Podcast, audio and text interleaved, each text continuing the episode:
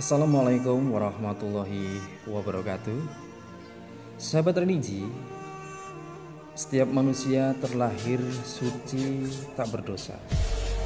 Perjalanan hiduplah yang membuatnya penuh melakukan dosa, meski sekecil apa pun.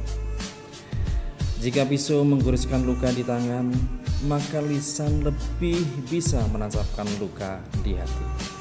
Sulit untuk terobati. Ketika jarak menghalangi untuk bersalaman, ketika tubuh tak mampu untuk merengkuh, maka hanya kata-kata yang bisa dikirimkan mewakili permintaan maaf. Tak bertemu, tak saling tatap, tapi tidak menghilangkan makna dari yang fitri untuk saling memaafkan. Ketika lenganku tidak dapat menjangkau orang-orang yang terdekat di hati dan selalu memeluk mereka dalam setiap doa. Semoga kedamaian dan berkah Allah selalu bersama.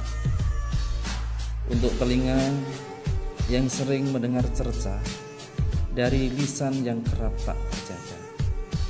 Janji yang tak terpenuhi, hati yang kerap berprasangka.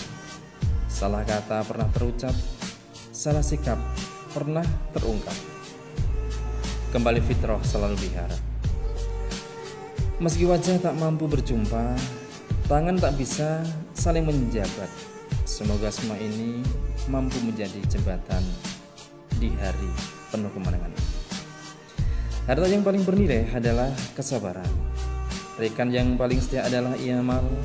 Ibadah yang paling indah adalah keikhlasan. Pekerjaan yang paling berat adalah memaafkan. Untuk itu, sahabat religi, mohon maaf lahir dan batin.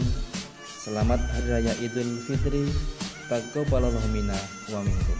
Assalamualaikum warahmatullahi wabarakatuh.